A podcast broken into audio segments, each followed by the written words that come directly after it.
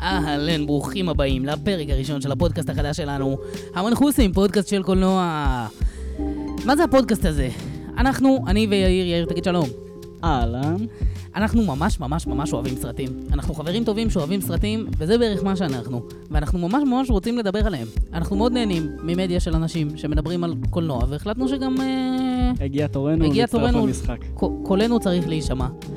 איך זה יעבוד? כל שבועיים אחד מאיתנו יבחר אה, סרט אחר שאנחנו פשוט נדבר עליו בפעם הבאה. בין אם זה לנתח אותו, בין אם זה פשוט לדבר על הרגשות שלנו כלפיו, בין אם זה לדבר על הנקבוביות של השחקן הראשי, אני לא יודע, אפשר הכל, הכל מותר. הכל מותר. אה, החזון שלנו ככה לדבר על סרטים, זה באמת, זה מגיע מתוך האהבה שלנו לקולנוע ולניתוחי קולנוע, וחשוב לנו מאוד להגיע לזה מתוך נקודת מבט של כזה, אנחנו לא, לא יודע, אף אחד לא מינה אותנו, אין לנו איזושהי תעודה או משהו מוסמך או רציני, אך פשוט רוצים לתת את העמדה שלנו ואת הנקודת מבט האישית שלנו על קולנוע ועל הסרטים שאנחנו אוהבים. לא באנו להיות אובייקטיביים, באנו לתת את הטייק שלנו. והיום אנחנו הולכים לדבר על אחד הסרטים שעיצבו אה, את כל הדור שלנו בעצם, ואולי קצת את הדור לגמרי. שלפנינו. אה, אנחנו הולכים לדבר על, על, על, על אולי אחד הסרטים הגדולים ביותר בהיסטוריה, לגמרי. מלך האריות. וואו, אה, איזה סרט. 1994. אה, סרט ש... שיש עוד המון, יש המון מה לדבר עליו, למרות שכבר דובר המון, ואני אני מתרגש להגיע לאחד הסרטים האלה שבאמת הם, הם, הם מהאבנים של הנפש שלי. אני, אני גם לגמרי מתרגש, ואני חושב שמעבר לזה שזה סרט שקיים בצורה מאוד נוכחת בילדות, גם של אליאש, אה, נועם אליאש, שיושב. פה איתי, וגם שלי, אני יאיר. אה, זה סרט שהוא אה, חלק נורא חשוב מהילדות של המון אנשים בישראל ובעולם בפרט, כאילו בעולם בכלליות. אז סופר מרגש, ויאללה, בוא נתחיל. בואו נתחיל. טוב, אז לפני שנתחיל בכל דיבורים אליך האריות, ש... שלשם האירוע הגענו לכאן, אני רוצה שנעשה עוד שני דברים, מאיר. הראשון, מה אתה רוצה שנעשה? הראשון אני רוצה שנספר קצת לקהל, אה, פרק ראשון, בכל זאת נספר מי אנחנו. או-אה, מרגש. ודבר שני, אני רוצה לשמוע מה ראית השבוע, יאיר, ואני רוצה שאתה תשמע מה אני ראיתי השבוע. גדול. אחלה. מי אתה, יאיר? אוקיי, מי אני? אני יאיר אלקון, אה, אני כמעט בן 20 עכשיו, אני גר במבשרת ציון, ואני ממש ממש אוהב סרטים. אה, אני גיליתי את זה על עצמי ב... מאז שאני זוכר את עצמי, אני רואה קלטות ישנות של דיסני בבית שלי, ועל זה גדלתי. אבל אה, ככה ממש כזה סביבות כיתה ז'-ח', פתאום התחלתי להבין שכזה, אני ממש מתעניין בסרטים כאומנות.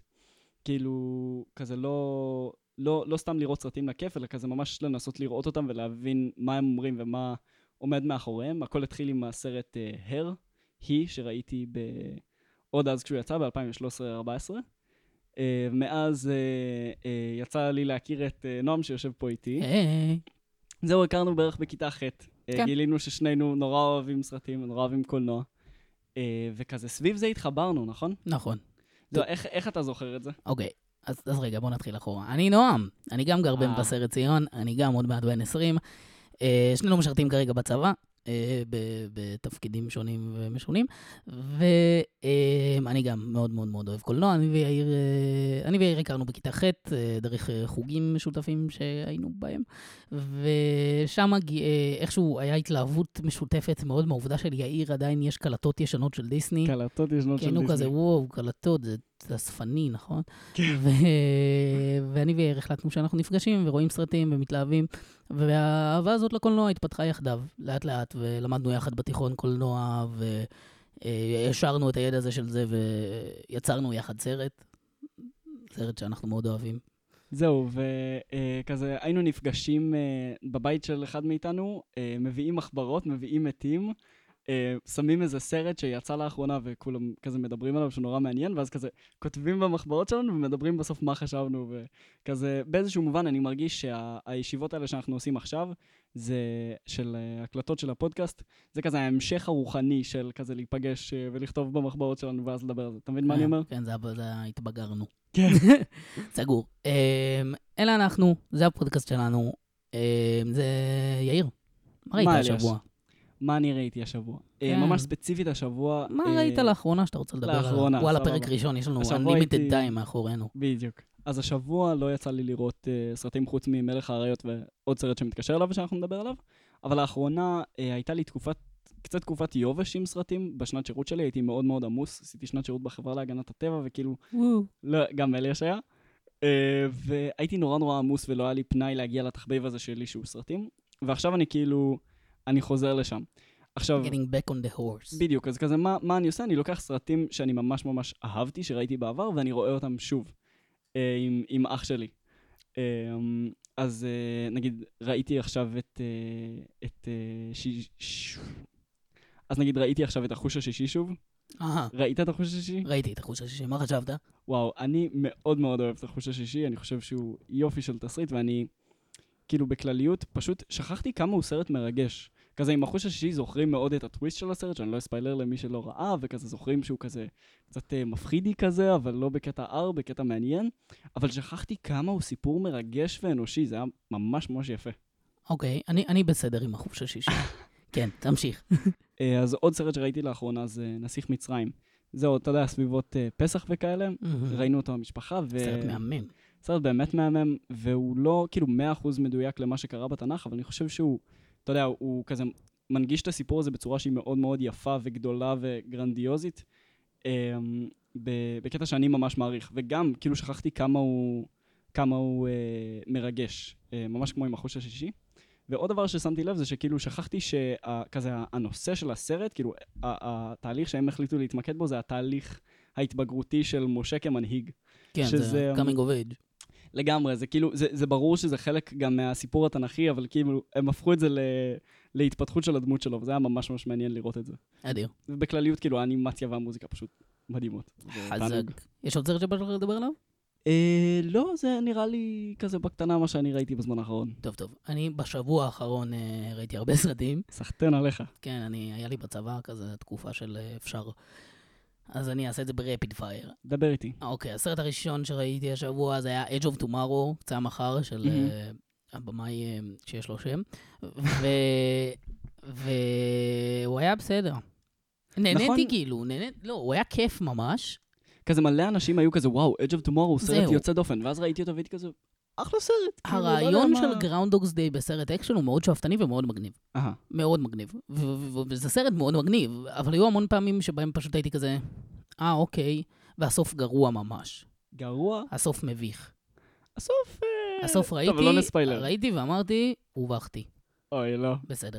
הסרט הבא שראיתי, אמ, טוב, חתונה מאוחרת של דובר קוסשווילי, אמ, לא אהבתי בכלל.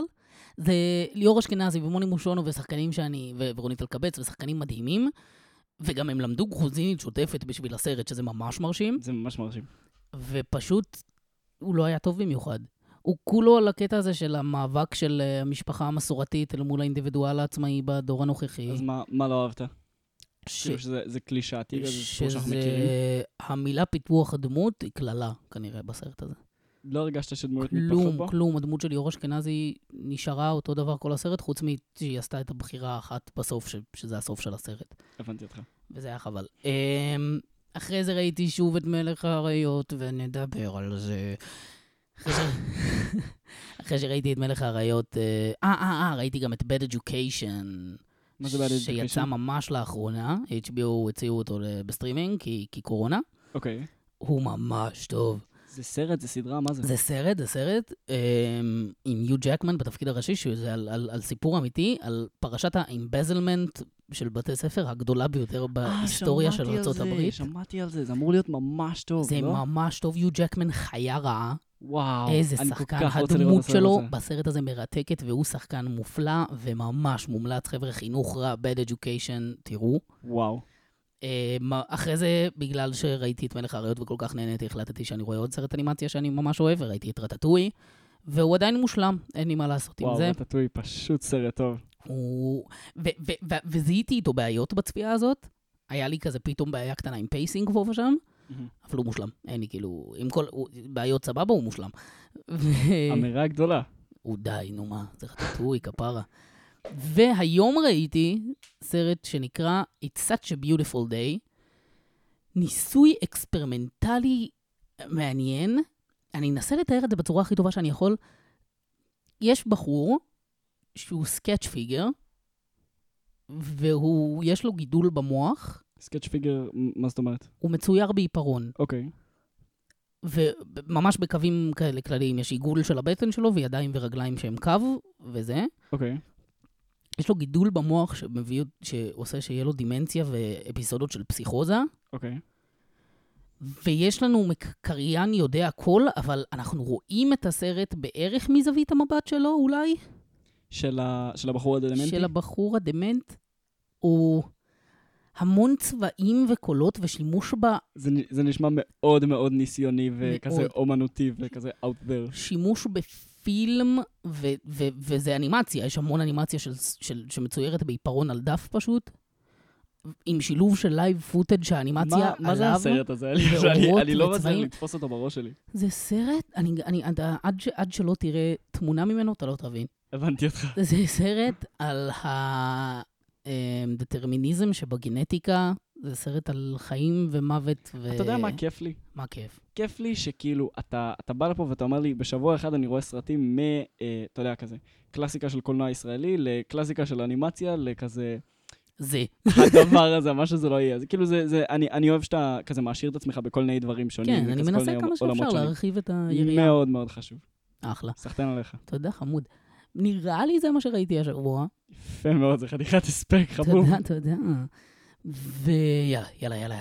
הגיע העת. אז נתחיל עם מלך האריות? מלך האריות. טוב, בוא, בוא נדבר רגע מאיפה הדבר הזה הגיע אלינו. אוקיי. קצת היסטוריה. אולפני וולט דיסני היו בצרות קיצוניות, נכון? מהמם. אמת. אמ, בשנות ה-80 הם לא ממש הצליחו. לא ממש הצליחו, ואפילו אולפנים כמו דון בלות' או וורנר בראדרס הצליחו לעקוף אותם בחלק מההוצאות של הסרטים שלהם, ו... והמצב היה? קשה. ברווחים, כן. כן. והמצב היה קשה, ואפילו היה דיבור על שחברת וולט דיסני עלולה לסגור את מחלקת האנימציה של הקליל. שזה הזוי, כי כאילו וולט דיסני זה החברה שהתחילה את מה שאנחנו מכירים היום כסרטי אנימציה באורך מלא. כאילו זה לא היה קיים עליהם, לא? נכון, כזה, האבא הגדול של כולם... של גיאה ושבעת הגמדים. זהו, זה סרט האנימציה המערבי הראשון באורך מלא, היו. יפנים לפניו, אוקיי, אני, אני חושב. סבבה. בכל מקרה. אה, ואז הגיע מה שנקרא אה, בעגה המקצועית הרנסאנס של דיסני, אה, שהתחיל עם בת הים הקטנה ב-1989. סרט שפשוט שבר את כל הקופות ואת הכל, ומאותו רגע דיסני היו על גל. עם... אה, טוב, אחרי היפה והחיה יצא סרט שההיסטוריה שכחה, שנקרא The Rescuers Down אני Under. חושב שזה היה שנה לפני היפה והחיה, לא? אה, לפני- כן, שנה אחרי אחרי בת הים הקטנה. היה Rescuers Down Under, ואז 91, 91, היפ- היפה והחיה. 93 או 2 אלאדין, ו-94 מלך האריות. כל הסרטים שציינו עד עכשיו הם, הם, הם, הם גאונות לשמה. כן. ומלך האריות זה כנראה, זה, זה הפיק של זה, כי מיד אחר כך יצא כבר פוקהונטס, והגיבן מנוטרדם מיד אחר כך, והרקולס מיד אחר כך, ויותר נפילה.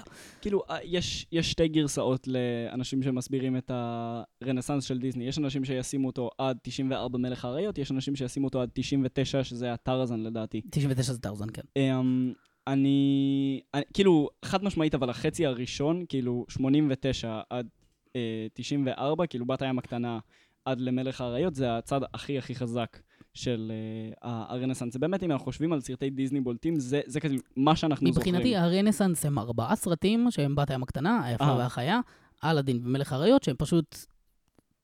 הם זה. לגיטימי. הם מה שטוב ונכון בדיסני. לגיטימי. אה, שדרך אגב, לדעתי ב- ב- בשנות העשרה חווינו רנסאנס נוסף. לגמרי, מדברים על זה, אתה יודע, זה ממש חזק בשנים האחרונות. פרוזן, רלף האורס, אה, מואנה ממש טוב. מואנה, זוטופיה, אהה. סרטים מטורפים. טנגלד. אה, הם כאילו. מצאו לעצמם נישה חדשה של סרטים שהולכים להם מעולה. כן, שהם במעלה, ואז אה, יצא רלף האורס 2 ופרוזן 2 שהם גרועים. אוקיי. איי איי איי. וואו, לא חשבתי על זה אף פעם שהרנסאנס הזה אולי נגמר. תשמע, הם עברו לסרטי המשך לא טובים, אז מה נעשה עם זה? מלך האריות! יאללה. במאי, רוג'ר אלרס ורוב מינקוף, שני במאים היו לסרט הזה.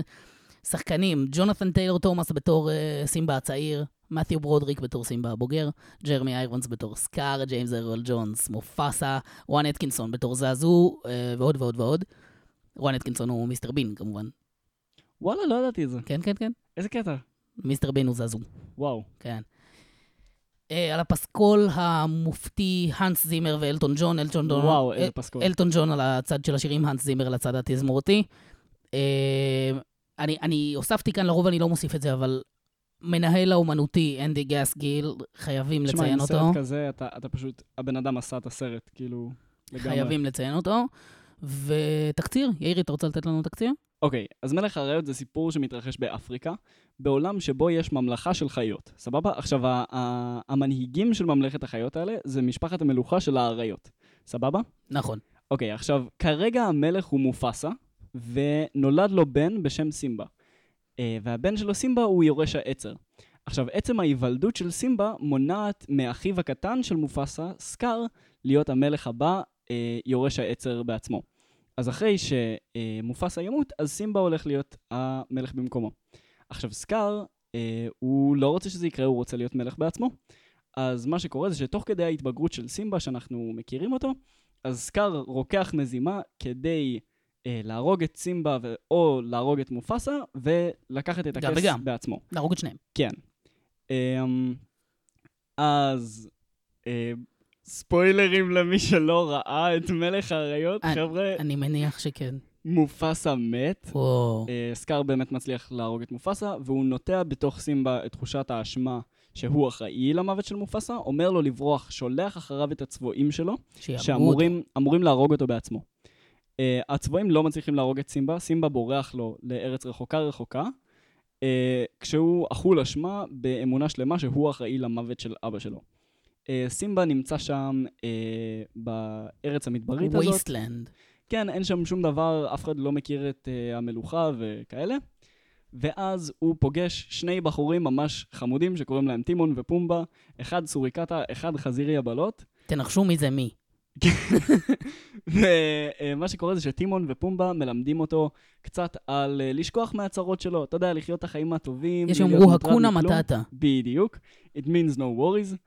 Um, הוא נמצא קצת עם, עם טימון ופומבה, ופתאום נאלה, חברת ילדות שלו, חוזרת אליו ואומר לו, סימבה, אנחנו צריכים שתחזור. אה, עברו 15 שנה בין לבין או משהו כזה. כן, עבר הרבה זמן, הוא התבגר סימבה התבגר, סימבה עכשיו מטאטה. בוגר. אני פשוט לא מבין למה אני מתקצר את הסרט. תמשיך. בקיצור, נאלה מגיעה, הולכת לאכול את פומבה, כולכם יודעים את ההמשך, סימבה מציל אותם, can you feel the love tonight, הם חוזרים ביחד אה, לכיוון פרייד רוק, אה, כי סימבה דיבר עם רפיקי והוא הבין שהוא צריך לקחת אחריות על הגורל שלו ולהמשיך את המורשת של אבא שלו בתור מנהיג אחראי ורציני. ערכי. ערכי מאוד. אה, הולך, אה, קורא תיגר על סקאר, מגלה שסקאר היה בעצם מי שהרג את אבא שלו, יש הפיכה צבאית, אה, מנצחים את סקאר, וסימבה הופך להיות המלך, והסרט נגמר בזה שיש לו ילדה. זה תקציר של הסרט. זה, אה, כן, משהו כזה. בדיוק.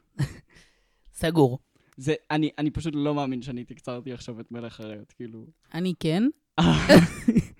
יאללה, אה, מלך האריות. בוא, יאיר, רגשות כלפי הסרט. איך- איך איך הייתה הצפייה הזו?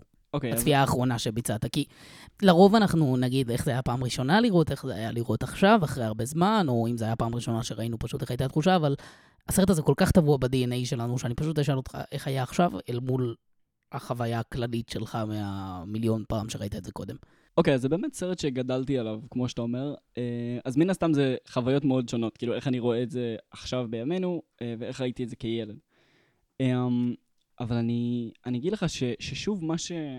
כמו עם שני הסרטים הקודמים שאמרתי, מה שהכי הפתיע אותי זה כמה שהסרט הזה פשוט כל כך מרגש.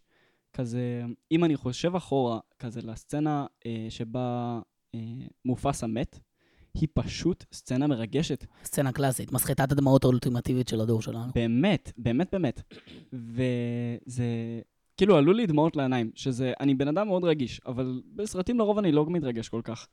אה, וזה זה, זה מטורף, כזה, זה פשוט נורא נורא חזק, זה סיפור על בן שמאבד את אבא שלו, והם ממש בנו את, ה, את היחסים ביניהם קודם, וכזה, הסצנה שהוא קורא לו להתעורר, כזה, מרפררת לסצנה המוקדמת יותר, שהוא רוצה שהוא יתעורר במערה, כאילו בבוקר, כאילו, נכון. זה כל כך נכון איך שזה עשוי, זה פשוט, וואו, זה כזה סרט מרגש, אלוהים ישמור, וואו. אז אני אגיד לך יותר מזה, אני, אני בחוויה שלי ממש הסתכלתי על זה בראייה של איך תסריט בנוי ואיך זה, לגמרי. ועם זאת המערכה הראשונה של הסרט הזה היא בערך חצי ממנו. היא בדיוק קצת פחות מחצי. זה אחת המערכות הראשונות הכי ארוכות. זהו, שיש. ואולי זה דבר איכשהו לומר בגנותו, אבל זה עובד, אז, אז אני לא אגיד את זה בגנותו.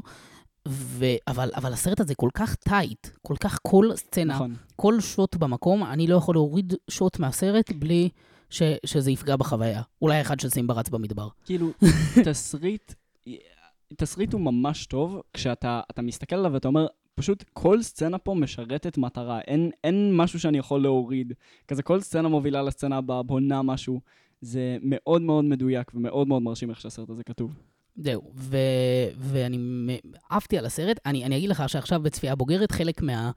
מהמסרים ומהדברים שהוא מנסה ל- להעביר לנו קצת, קצת פגמו לי בחוויה, כי זה פשוט... כן. אה, אה, הייתי כזה, "מ, מונרכיה. זהו, אה, אבל רגע, לפני שנגיע לביקורת, בוא, בוא עוד קצת נתלהב ממלך הריאות. בוא נתלהב ממלך הריאות. למה לא להתלהב ממלך הריאות? הסרט הזה מהמם ביופיו. וואו. כל שוט הוא ציור שאני יכול לתלות בחדר שלי ולהתלהב עליו. אה, הפסקול הוא מהחזקים והיפים ששמעתי בחיי. אני דווקא אגיד שמהשירים עצמם, אני לא חושב שזה מהפסקולים החזקים של דיסני. אני יכול להגיד לך שהיפה והחיה יותר טוב ממנו, אלאדין יותר טוב ממנו. אה, בעיניך, בעיניי, בעיניי, בעיניי. הכל בעיניי. אני, אני אגיד לך מה, אני חושב שהשני שירים בעיניי הכי חזקים שלו, זה אה, כמובן מעגל החיים, שהוא לדעתי אחד השירי דיסני טוב, הכי טוב, טובים לשיר אהוב נגיע אחר כך. שיש. אה, אוי, הרסתי, עשיתי ספוילר, סליחה. אמ, ו... אה, prepared, שזה פשוט שיר מעולה. נכון, אבל אני יכול להגיד לך שמעבר לשירים, שעוד נדבר עליהם, התזמורתיות, זה נקרא סקור של הסרט, הוא פשוט הדבר הכי חזק בעולם. אני יכול לשמוע אנחנו אותו. רוצים לדבר על זה עכשיו או אחר כך? אה, ובוא בוא נפתח. אמרת כבר אוקיי. אני יכול לשמוע אותו, ואני פשוט דומע רק מהעוצמות שהוא מביא. Mm. כשמופסה בשמיים, מדבר עם סימבה ואומר לו, remember. אה, זה, הפסקול, איך הוא הולך שם? זה...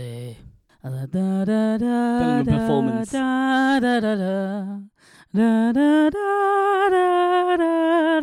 זה הדבר, אה, איזה מהלך אה, תזמורתי מושלם זה- ומרגש. זה, החלק הזה, יש לי חור בלב בצורה של, ה, של התווים האלה. אה. והם נכנסו פנימה, הם הצליחו בדיוק שם למלא אותו. אז אני, אני אגיד לך מה, אתה מכיר את המושג לייט מוטיף? כן.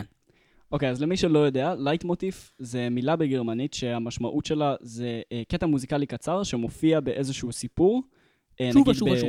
שוב ושוב, כדי לייצג איזשהו רעיון. וזה הלייט מוטיף, איך שאני תופס את זה, של מופסה. הוא מופיע כשמופסה מסביר לסימבה אה, על אבות אבותם שבכוכבים, והוא מופיע כשמופסה מת.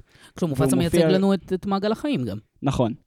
אה, עכשיו, דרך אגב, על הלייט מוטיף הזה, אה, כמו שאמרת קודם, אז הסרט הולחן על ידי האנס זימר. האנס זימר. אה, שהאנס זימר הוא, אה, לכל מי שמתעניין בפסי קול של סרטים, הוא, הוא ממש מהמלחינים הכי הכי חשובים של דורנו, אם לא אי פעם. אה, וממש שווה להקשיב גם למוזיקה שלו מחוץ לסרטים. מלך האריות זה מהסרטים הראשונים שהם ממש גדולים שהוא עשה, ובהתחלה הוא לא כל כך רצה לקחת אותו, כי הוא היה כזה, כן, זה סרט אה, על חיות מדברות, חיות כאילו, מדברות, מה, מה מצויר, הקטע? מה... מה... עכשיו, הוא אומר בראיונות שהוא לאט לאט קרא כזה את התסריט והתקדם איתם עוד ועוד שלבים לקראת כזה אה, לחתום אה, ולהצטרף לסרט, והוא הוא פשוט הבין שהמהות של הסרט, כאילו הליבה של הסרט זה סרט על ילד שמאבד את אבא שלו. זהו, זה סרט על, על, על אובדן, על יגון. נכון. והאנס זימר הוא בעצמו איבד את אבא שלו אה, בילדות שלו. אה, והקטע שהוא כותב, ה- הקטע שהוא כתב למוזיקה תוך כדי שיש את התיאואים שנכנסים לוואדי ורומסים את הגופה של מופסה בסופו של דבר, אוף. אז זה, זה הוא, הוא אומר בראיונות שזה רקוויאם, זה מנגינת השכבה שכתבתי לאבא שלי. שזה זה כל כך חזק. זה ממש. וכשאתה מקשיב לסצנה הזאת, אמ, פשוט אתה, אתה, אתה מרגיש כמה רגש יש שם במוזיקה, כמה היא, היא מכה בך בעוצמתיות ובכאב של, ה, של המצב הזה, שסימבה נמצא בו, באובדן שאליו הוא הגיע. בכללי, הופתעתי לגלות כמה הסרט הזה מתעסק באובדן ובנשיאת אחריות על מוות בדברים האלה, כי אני זוכר את עצמי כילד, אה, נהנה מחיות מדברות, אומר את זה באסה מופסה מת, אבל אוקיי, עכשיו יש טימון ופומבה, אז הכל כיף.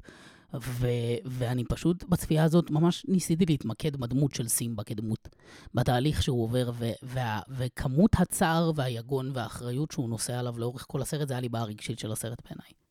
כן, וכזה, אני חושב שהחלק שהוא כזה נורא זכור לטובה בסרט, של כל הכיף שהוא עושה עם טימון ופומבה, אז כזה, זה באמת נורא נורא כיף, אבל בצורה מובהקת, כזה מהסתכלות בוגרת יותר, אני, אני מרגיש שזה חלק שמדבר על הדחקה.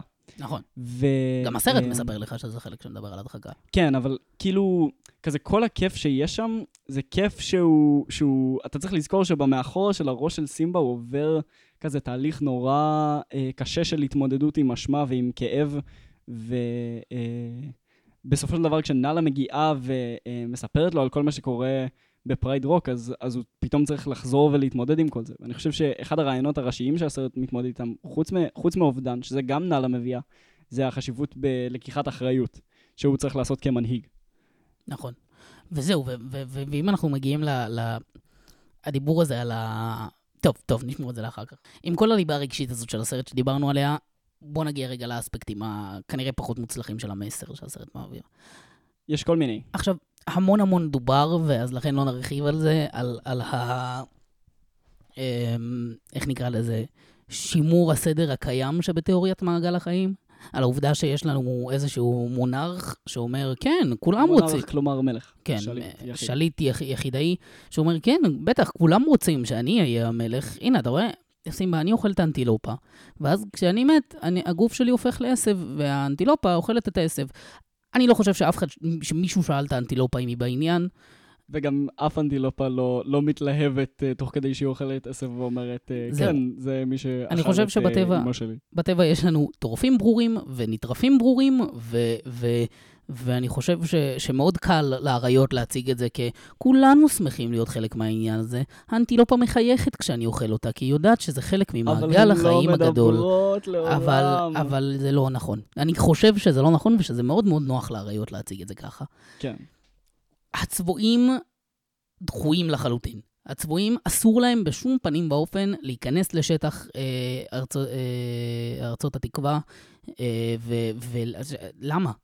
אני, יש בסוף הסרט אה, סצנה אחת שלא שמתי לב אליה אף פעם, שסקאר קורא לסראבי, סראבי אימא של סימבה, אה, לבוא אליו ולשאול אותה איפה האוכל, והיא צריכה לעבור אה, בים סוף של צבועים בדרך.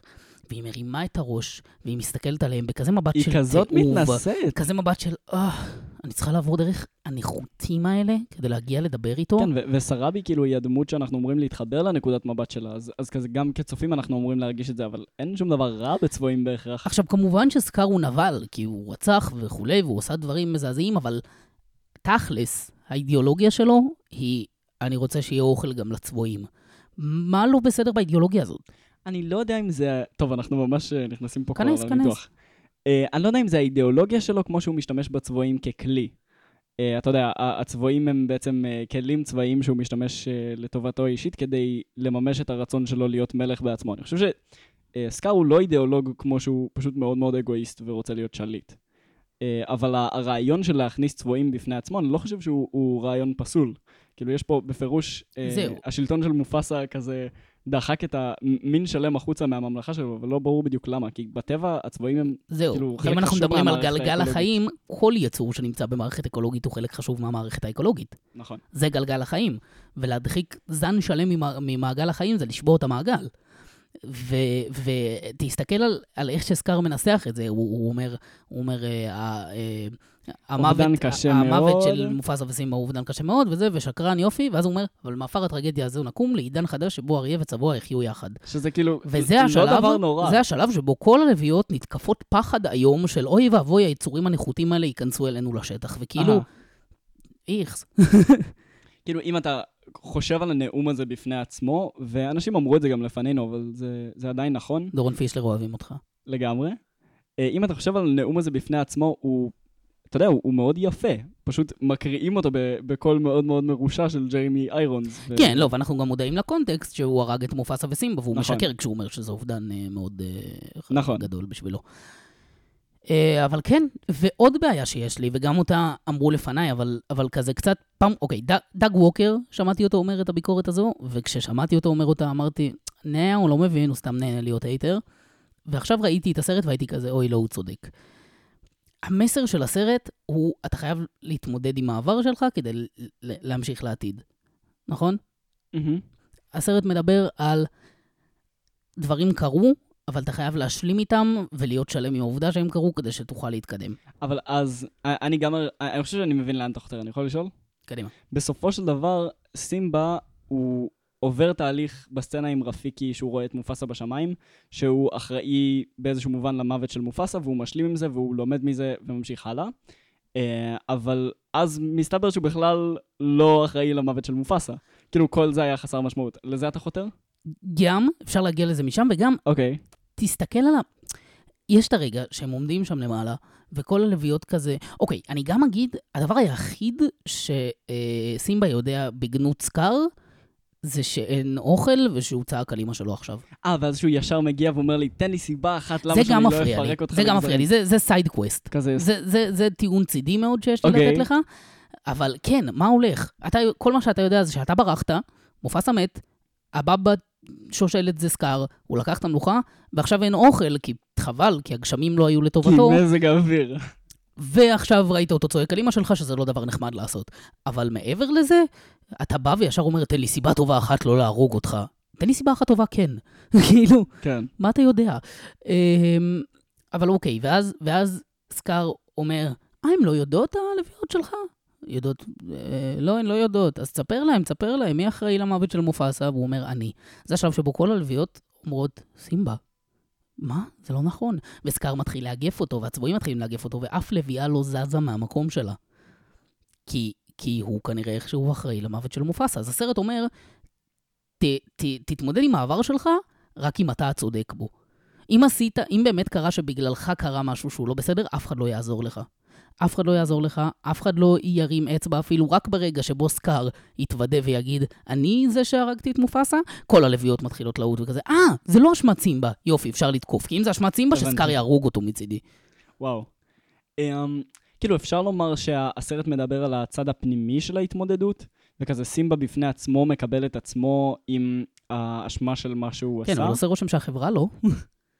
החברה לא, וזה זה באמת uh, שאלה אחרת, ואני לא יודע אם ספציפית זה מה שהסרט מתעסק בו. אני הרגשתי שזה יותר סביב משהו פנימי שלו עם עצמו. אתה מבין מה אני אומר? אין ספק, אבל, אבל שוב, הוא, הוא, הוא פחד גם מהתגובה, הוא כל הזמן מפחד מהתגובה של מה אימא שלי תגיד, מה נכון. זה, מה החברה תגיד, ואז ברגע שמגלים שזה, אז מסתבר שמה שאימא שלו תגיד, עכשיו, אנחנו מבחינתנו, אנחנו מכירים את שרבי ואנחנו זה, החתירה היא לאימא שלו תגיד, זה, אה, גם אם זה היה אה, באחריותך, אתה לא אשם בזה, אתה לא ידעת שזה מה שיקרה, אני אוהבת אותך למרות הטעויות שעשית בעבר, והתגובה היא, סימבה תגיד לי שזה לא נכון, ורק כשהיא מגלה שזה לא נכון, היא אומרת, הו, ירדה לי אבן מהלב, ותוקפת את סקאר.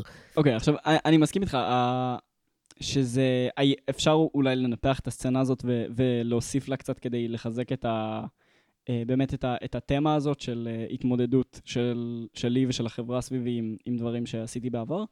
Uh, אני כן חושב שספציפית התגובה, סימבה תגיד לי שזה לא נכון, כי התגובה הראשונה שלה זה, זה ממש uh, הגיוני ולגיטימי. אין ספק, אבל... אבל צריך לבנות מעבר תעזרי לו לזה. בכל זאת. זה מה שאני אתה- אומר. אתה אני אפילו לא. חושב וואו, שצריך פעם לא לבנות, לא זה. חושב שצריך לבנות מעבר לזה, חוץ משהלוויות י- י- י- ידעו שזה נכון, ירגישו את הכאב בליבן, ובכל זאת יגידו, אנחנו מבינים ש- שכנראה מה שהוא עשה הוביל לזה, אבל הוא לא אשם בזה, והוא ב- בא לכאן בטוב, ואנחנו עדיין רוצות לעזור לו, כי אנחנו מקבלות את העבר שלו. אני חושב שכדי ליצור משהו כזה ב- בסצנה, אז אתה צריך באמת אה, אה, לבנות ולפתח את, ה- את הסצנה ולראות איך, ה- איך הלוויות עצמן מגיבות. אתה מבין מה אני אומר? אה, כן? תוסיפו עוד שתי דקות לרנטיים. נכון. יאללה. לא, לא עוד משהו רציני. הסרט הזה מאוד מצוין בלעשות דברים בצורה דחוסה ונכונה, זהו, גם את זה הוא היה יכול מספיק. לעשות את זה בצורה דחוסה ונכונה. לגמרי. זהו, זה מה שיש לי אה, רע אליו גם, אוקיי, אם, בוא נחזור רגע לגלגל, למעגל החיים, שאנחנו רואים שהדבר הזה לא בדיוק עובד. טימון ופומבה הם היחידים שכנראה מודעים לזה שהדבר הזה לא באמת עובד. מגיע, יש, יש שורה שגם בצביעות, אני פשוט איכשהו התעלמתי ממנה עד עכשיו, רק בצביעה הזאת קלטתי שהיא שם בכלל. אני חושב אבל, כזה, אני אני אגיד לך מה בעיניי לא עובד במעגל החיים. אוקיי. מעגל החיים הוא עובד וזה קיים בעולם שלנו. נכון, נכון. כזה יש מה... יש מערכת שהיא המערכת האקולוגית של כדור הארץ. נכון, שבה- העולם הוא מעגל החיים. נכון, שבה יש בעלי חיים שאוכלים אחד את השני, והמערכת משמרת את עצמה. אה, עד שאנשים אה, מתערבים מבחוץ. אבל hot take. אמרתי משהו? אבל אה, מה שלא עובד זה הניסיון לומר שיש צדק במערכת הזאת. נכון. ויש השורה הזאת, ש- שזה זה כאילו זה קשה, כי ברגע שאתה... סליחה שעצרתי אותך רגע. כן, פשוט ברגע שאתה אה, לוקח את הסיפור הזה ואתה מעניש אותו, אתה הופך אותו ל... הרי כל האריות האלה וכל החיות האלה זה חיות מוענשות. אז ברגע שאנחנו מענישים את זה, אז נכנס לשם אלמנט של צדק, ואז כאילו, זה כבר לא עובד, אבל... זהו. כזה, זה, זה נראה לי פשוט מאתגר לכתוב סיפור דברים שהם כזה. טבעיים לא צריכים להיות ערכיים. אה, אין, ערכים זה המצאה אנושית, ואנחנו מנהלים אה, את העולם שלנו בניסיון אה, לשמור על ערכים וכולי, כי, כי אנחנו בנינו את העולם, אבל הטבע בנה את העולם של עצמו, ו, ולכן ערכים לא חייבים להיכנס לתמונה, פשוט מה שעובד עובד. ברגע שאתה מעניש את העולם הזה, הוא חייב ערכים. כן. והערכים האלה לא עובדים, ו- ואני אוהב, יש שורה אחת, שוב, שנאלה מגיעה ל- ל- לאכול את פומבה וזה, ואז סימבה כזה תוקף אותה, ואז היא כזה, סימבה? והוא כזה, נאלה! והם, אה, והם חברים שוב, ואז טימון מגיע ואומר, ואני שכחתי את השורה הזאת בכלל, מגיע ואומר, רגע, רגע, רגע, הוא כל כך צודק. אתה מכיר אותו, אה, את מכירה אותו, הוא מכיר אותך, היא ניסתה לאכול אותו, מצביע על פומבה. ועכשיו כולנו חברים? וכו- וכולנו בסדר עם זה? ואני כאילו, אתה צודק, טימון. למה עכשיו, כש, כשהיא מדברת וחמודה, אז כולנו בסדר עם זה, אבל לפני שנייה היא ניסתה לאכול את חבר שלך, ועכשיו הוא חבר שלה, כי, כי, כי אותו ספציפית היא לא רוצה לאכול, זה לא ימנע ממנה לאכול אף חזיר בר אחר, שאולי מהמשפחה של פומבה אה, אחר כך, אבל את פומבה ספציפית היא לא תאכל, כולנו בסדר עם זה. אה, לא נראה לי. אה. יודע, לא, אני עם טימון.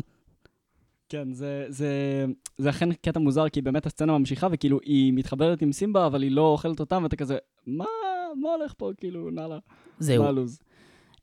אז, אז, אז אלה הבעיות שלי עם הסרט. הגזענות כלפי הצבועים, החוזר הצדק שבמעגל החיים שמוצג לנו כהדבר הכי טוב ונכון וחכם בעולם, ו... כל מיני בעיות מבחינת התהליך של אה, של סימבה, של. ה... להודות ב... ל- להכיר בקשיים שלו. הוצאנו את זה במערכת, בוא נחזור לדברים שאני אוהב לי- בסרט. לי יש עוד עוד כ- אחד? לי- אוקיי, אוקיי, אוקיי, כמה. אוקיי, אוקיי. אוקיי, אז זה בעיקר נוגע לדברים שקשורים. במלוכה בסרט. שומע? כן. אוקיי. אז אה, כזה, הסצנת פתיחה, שהיא סצנה יפהפייה ונורא מרגשת, אייקונית להחריד. גם בה, באמת, באימא שלי, שהיה לי צמרמורת בכל האור. פשוט פיזית, היית מסתכל עליי, היית רואה אור ברווז. סבבה. אמ, כי היא כל כך מרגשת. אה, זה כאילו נורא נורא מוזר שיש מלוכה שהיא בתוך הטבע. כאילו, העובדה שיש מלך שהוא אריה, כאילו, זה תפיסה כל כך אנושית שכאילו הלבשנו... כן, על כל- החיות זה קלישאה ידועה. נכון, וזה זה, זה פשוט לא קשור בכלל למציאות, וכזה גם, זה מעלה את השאלות כזה, מה, איך עובדת המלוכה שלו? כאילו, למה הג'ירפות משתחוות לו? כאילו, השתחוות זה דבר כל כך אנושי. עכשיו זה כאילו, סתם המוח שלי נודד למקומות, אה, אבל עוד משהו ש... ניטפיק. כן, אבל כזה, כאילו, זה, זה פשוט מפתיע אותי שהסיפור הזה הוא סיפור אה, מסוף המאה ה-20, שהיה סרט כל כך כל כך מצליח, ואני אני אוהב אותו כל כולי, והסיפור עוסק במלוכה. כאילו, זה סיפור. כן. שעוסק בחשיבות המאוד מאוד גדולה במלוכה. וכזה, אתה יודע, אמנם סימבה, אה, התהליך של הדמות שלו זה לקחת אחריות ולהשלים עם העבר שלו ולהפוך להיות מנהיג, אבל בסופו של דבר הוא היחיד שיכול לעשות את זה. כאילו, כל שאר הלוויות לא יכולות לעשות את זה כי הן לא, כן. הן לא זכרים שנולדו למופסה. יש איזשהו מוטיב בסרט של אה, אה, תפקידים ש, שנולדת אליהם ואסור לך לברוח מהם. שזה כאילו, ואם אתה מנסה לתפוס תפקיד שלא נולדת אליו, הטבע יהרוס את עצמו. נראה לי שכזה שנות התשעים זה בערך התקופה האחרונה שכזה, יש עוד ממש סיפורים נורא נורא חזקים אה, וגדולים בקולנוע ש, שנורא נכנסים לתוך הקטגוריזציה הזאת של אנשים, של אה, כל בן אדם נולד עם איזשהו אה, תפקיד משלו שהוא אך ורק שלו. נכון, כי מאז, מאז האינדיבידואליזם תפס פיקוד. נכון, מאז הנרטיב של אני קובע את העתיד של עצמי הוא הנרטיב. נכון. עכשיו, אתה יודע, אנחנו יכולים לבוא ולנתח מנקודת מבט חברתית כמה גם זה נרטיב אה, חשוב, אה, ומה מה הערך שלו ומה הבעיות איתו, אבל כאילו זה נורא מפתיע אותי שהסיפור הזה הוא סיפור על מלוכה ועל החשיבות של מלוכה, והכי מוזר זה שכשאתה רואה את, ה, את הסצנת פתיחה, לא רק שמניפים את המלך והוא הדמות הכי חשובה וצריך לקדש את בית המלוכה וכל החיות משתחוות לו, אלא שהעננים נפתחים, כן. קרן שמש יוצאת, ובעצם אלוהים מכתיר את סימבה להיות אה, מלך? כאילו, זה כזה... אה, אה, אה, יש פה איזשהו משהו, אתה אומר, כזה נו- נוצרי כזה מאוד של המלוכה וה... כן, כאילו כזה... זה, זה, זה קצת כמו בית המלוכה מצרי, הבריטי. גם מצרי זה יכול להיות. זה יכול, זה יכול להיות כל מיני בהמון, דברים. בהמון ממלכות כאלה היה אמונה שהמלך המלך הוא, הוא דמות אלוהית, נכון. שנשלחה מטעם האל. ברוב לדעתי הממלכות שהיו, כזה הרעיון של המלך זה שהוא שליח האל. אה, כן, ובגלל זה הדת... ושהשושלת היא היא שושלת ב- ברשות האל. זהו, הדת והמלוכה היו מאוד. שלובים זה בזה בקטע הזה. וזה כאילו, זה נורא מוזר לי, שזה זה, זה, זה, זה ה- היסודות הסיפוריים של הסרט הזה, והוא יצא בשנות ה-90. עכשיו, האם אני אוהב אותו פחות בגלל זה? לא, אני מת על מלך האריות, אבל באמת, כמו שאמרת קודם, זה פשוט דברים שהיינו צריכים להוציא מהמערכת שלנו, ומחשבות שעולות כשאתה מסתכל על הסרט אה, מנקודת מבט בוגרת יותר. זהו, עכשיו כשהשלכנו החוצה את כל הזבל שהיה לנו לשפוך, איזה סרט! בואו נחזור לאהוב את הסרט. ממש. טוב, אה, אפשר לדבר על המון דברים obvious שהם מדהימים. אמ, אני רוצה לציין דברים שאיכשהו אה, אף פעם לא... אה, הם נראו לי כל כך אה, מובנים מאליהם, שאף פעם לא הקדשתי מחשבה ל... היי, מישהו אשכרה ישב וחשב על זה שזה אולי רעיון טוב. אני אוקיי, אתן מה דוגמה. אני אתן דוגמה, הציור על העץ של רפיקי. הציור של סימבה הקטן ככלי סיפורי להתקדמות שלו. הוא בהתחלה סימבה קטן עם זה, אחר כך מוחקים אותו, אחר כך. אחר כך הרעמה מסביבו, זה כל כך קטן וזה כל כך חכם, ומבחינתי הסמל הזה על העץ הוא... זה כאילו אתה נולד ואתה כבר מודע לזה שזה שם. כמו, כמו, ש, אה. כמו שכל ילד, אם תבקש ממנו לספר לך את כיפה אדומה, הוא ידע לספר לך את כיפה אדומה, כי, כי איכשהו זה משהו שנולדים איתו, אה, הידע הזה. אז כאילו במלך האריות, הסמל של סימבה על העץ הידיעה הוא- שיש סימבה על העץ, זה, זה פשוט שם, זה נכון. זה, זה קיים. אה, ואף פעם לא חשבתי על זה עד עכשיו, שמישהו ישב בחדר והחליט, וואי, נראה לי זה יהיה רעיון טוב, וכל הכבוד לאיש הזה שהחליט. מה אתה יודע? מה אני אהבתי? כן. אני... אה, לא יודע, תספר לי. בוא, אני אספר לך. אתה אמרת קודם שכזה אין פריים בסרט שאם אתה עוצר אותו הוא לא אה, ציור יפהפה. עכשיו, אני מסכים איתך, ואני הולך להוסיף מעבר לזה. שכל, כאילו, כל שוט בסרט, הוא מציג בצורה נורא נורא ברורה את יחסי הכוחות בין הדמויות. כאילו, האנימציה אה, והאנשה של החיות, הבעות פנים שלהם והיחסים בגדלים שלהם, אור וצל, צבעים, אה, ושוב פעם, אני אדגיש, הבעות פנים, ממש ממש מראות כזה את היחסי כוחות בין הדמויות ואת הרגשות שהדמויות חוות בצורה נורא נורא חזקה, וזה זה כאילו, זה מפתיע שיצליחו לעשות את זה בסרט על חיות, כי חיות הן, אין להן הבעות פנים. מהמם, אבל כאילו. מצליחים, חד משמעית נדבר על זה, אני גם זורע את הזרעים לקראת ההמשך. אמ, זה יפה בעיניי ש, שמצליחים ליצור איזשהו איזון בין זה ממש חיות, לבין אין יצורים שחווים רגשות ואנחנו יכולים להתחבר אליהם. עכשיו נגיד יש את הסצנה של אה, מופס, של אה, סקאר וסימבה, נגיד בהתחלה, ב, בסוג של מערה כזה, שהוא אומר לו דוד של קוף, או משהו כזה. וואי, השורה, וואו, מושלם. איזה שורה טובה. כן. Um, אז כאילו, כזה יש שם שוט שאתה רואה את סימבה הקטן, דרך כזה הרגל הענקית של סקאר, שעם הגב לה כאילו מצלמה. בכללי, זה סרט, ו... זה סרט ענק. נכון, ו- וכזה סימבה הוא כל כך כל כך קטן, והרגל שלו היא כל כך כל כך גדולה, וכאילו, מה זה רגל? רגל היא רומסת.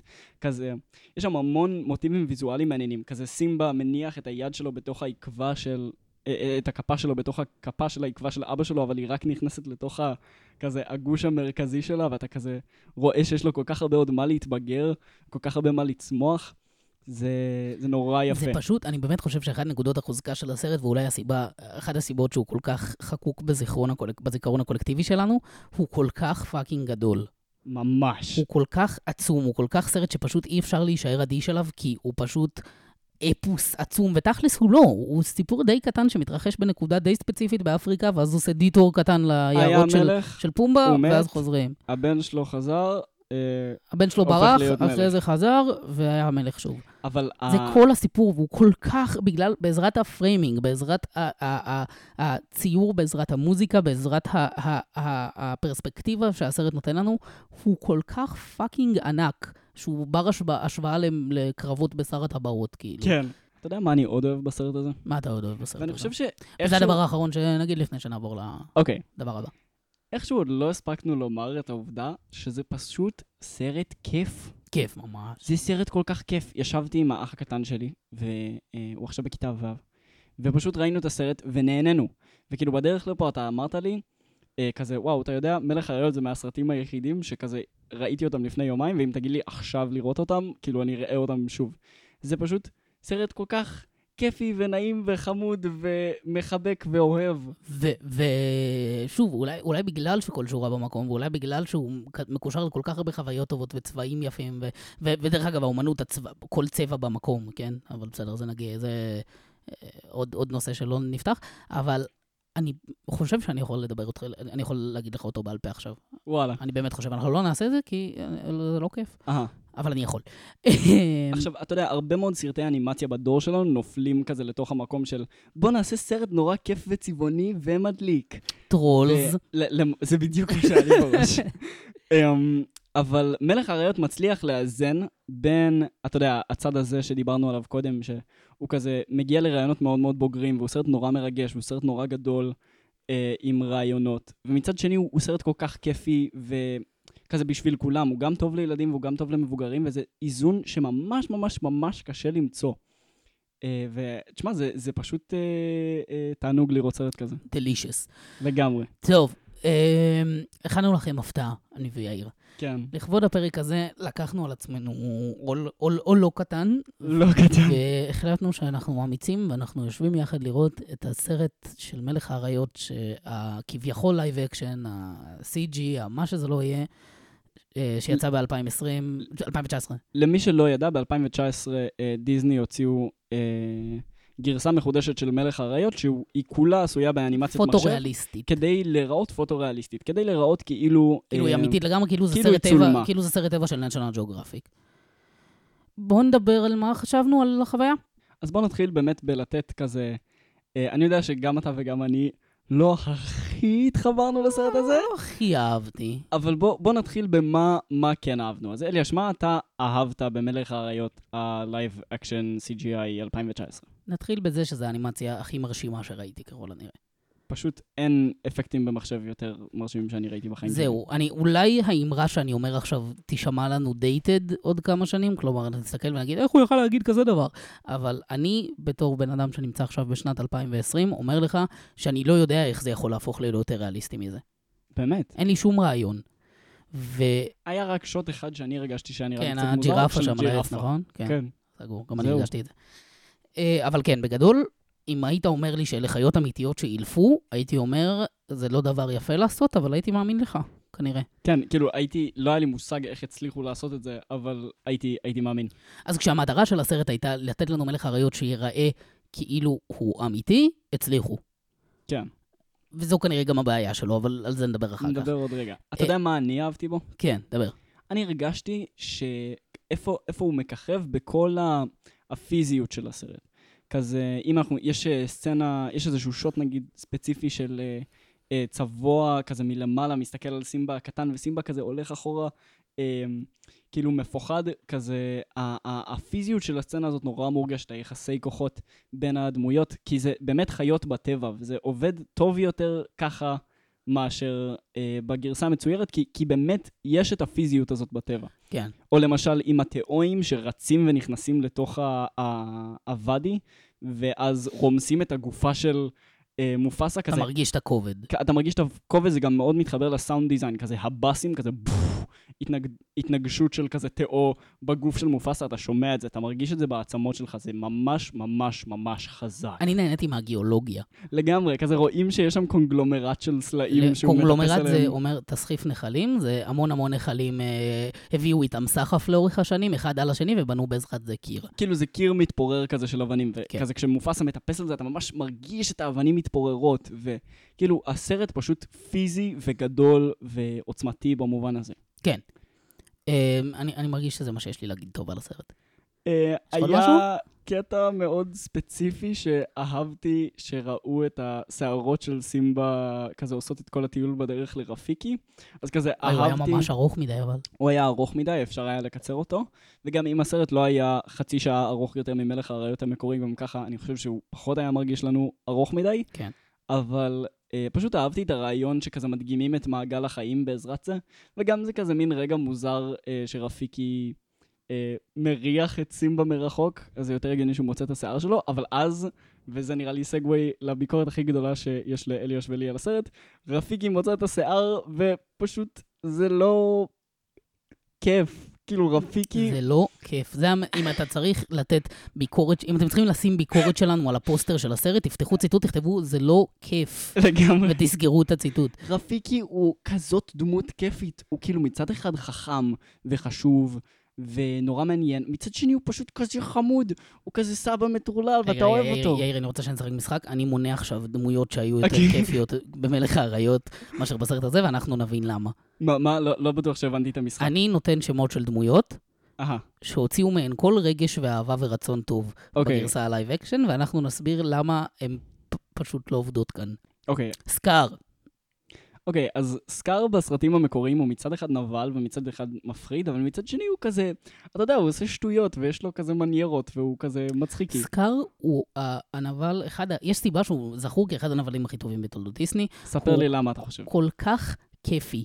הוא משחק עם העכבר שלו כשהוא תופס אותו, והוא עושה לו life ain't far, isn't it? והשורות שלו לסימבה, דוד סקאר, כשאני אהיה מלך, מה אתה תהיה? דוד דוד של של קוף. וכל כך הרבה שורות שפשוט, סקאר, אתה כזה, אתה, אתה כזה רשע, אבל כל כך כיף לך עם זה. אהה, אתה כל כך נהנה, ואני נהנה לראות אותך, אתה עם כל המניירות שלך של, Oh, I wouldn't dare. זה, ואתה כזה, ונגיד בשיר של Be Prepared, אז ממש מרגישים את זה, כן, כאילו, כן, החיוך מצד אחד שלו. זה שיר כל כך chance of of a a lifetime. lifetime. כאילו, זה סצנה כל כך מפחידה מצד אחד, מצד שני כל כך כיפית, כל כך ואתה... playful. כן, לגמרי.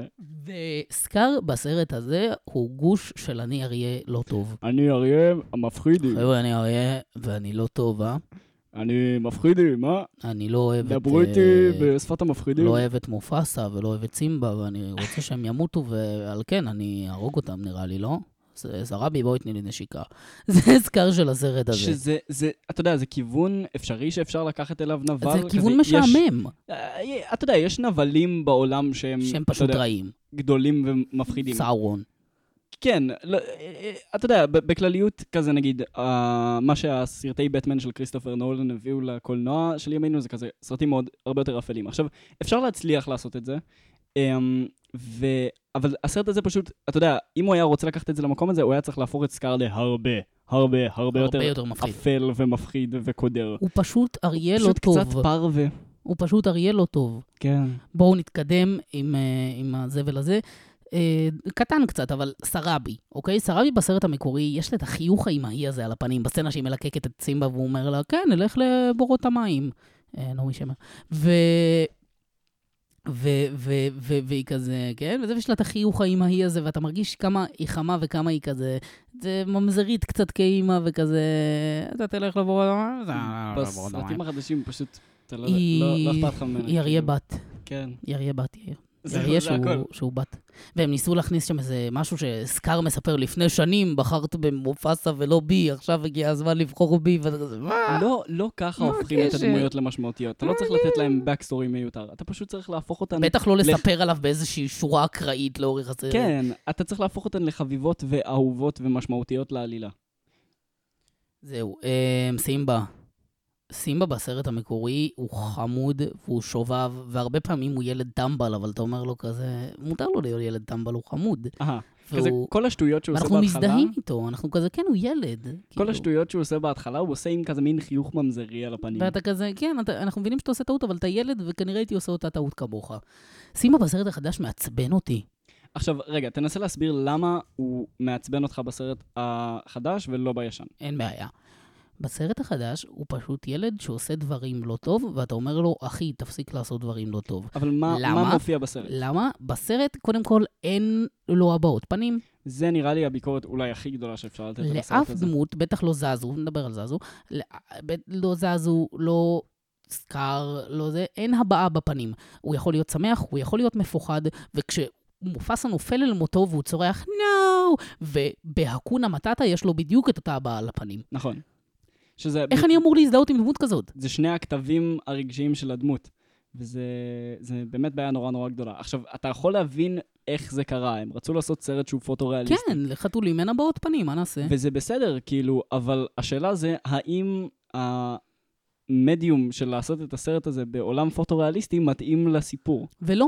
התשובה ואני- היא פשוט לא. התשובה היא פשוט לא, ואני אגיד לך שהמון שוטים, שבהם אף אחד לא דיבר, נגיד השוט שסימבה רודף אחרי חרק.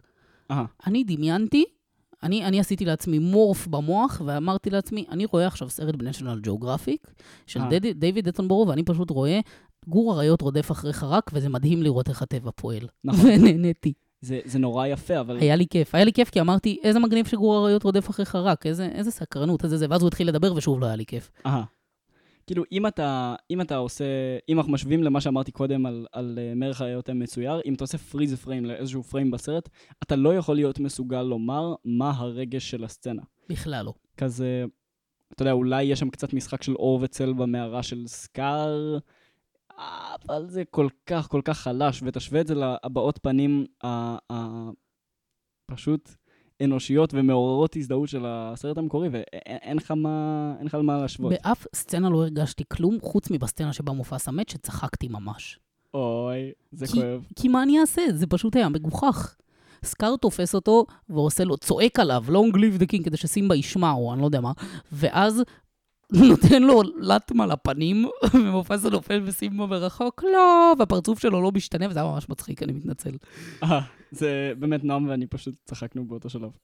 זהו. אמ, הסרט הזה לא עובד, הוסיפו לו חצי שעה מיותרת. שזה לא, לא שאני- ברור לי איך. החצי שעה הזאת זה פשוט עוד, עוד דיבורים. עוד דיבורים שנועדו לאיית לנו את המסרים. כן. אם באקונה מטאטה אנחנו מבינים בסרט המקורי, אוקיי, סימבה עכשיו מתחיל לחיות חיים שבהם לדברים אין משמעות, והוא אומר הכל יהיה בסדר, והוא פשוט חי חיים הדוניסטיים של אה, להתרחץ במעיין ולהפליץ ולאכול חרקים. אז בסרט, בסרט הזה, הזה, יש פשוט סצנה ש... סצנה של איזה חמש דקות.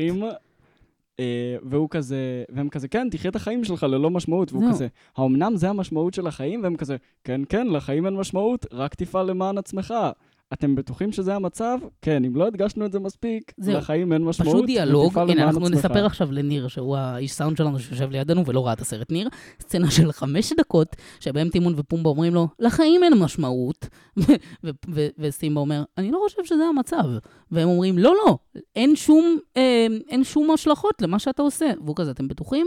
כן, אין שום השלכות, בואו תגידו לנו את זה עוד חמש דקות, כי לא הבנו שהקונה מטאטה זה הקטע. עכשיו, לפני שאנחנו נגיד את אותו דבר חמש דקות עם הקטע הזה, בואו נתקדם. Um, כן, אני חושב שאחד הקשיים הכי גדולים שלי היו עם הסרט, זה שעמוק לתוך uh, הסרט כבר עדיין הרגשתי שכאילו אני אורח בעולם של הסרט. נכון. כזה, כאילו לא הרגשתי שה, שהסרט מזמין אותי להצטרף אליו. עכשיו, זה משהו קצת קשה לפרוט לתוך דברים קולנועיים ספציפיים שאפשר היה לשנות.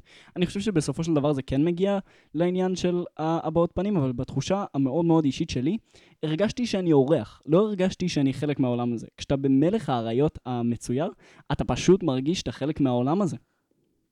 אתה מבין מה אני אומר? אני לגמרי מבין מה אתה אומר. טוב, um, הסרט הזה מזעזע, אני חושב שיש לנו המון מה לדבר עליו. יש עוד משהו אחרון שאתה רוצה להוסיף? כן, שאני חושב שהביקורת הכי גדולה שאפשר לתת עליו, הכי הכי גדולה, זה שתראה את מלך האריות המצויר לבן אדם, ואת מלך האריות המצולם סוג של לאותו הבן אדם, ושנה אחרי זה תחזור אליו ותשאל אותו איזה מהם אתה מעדיף לראות.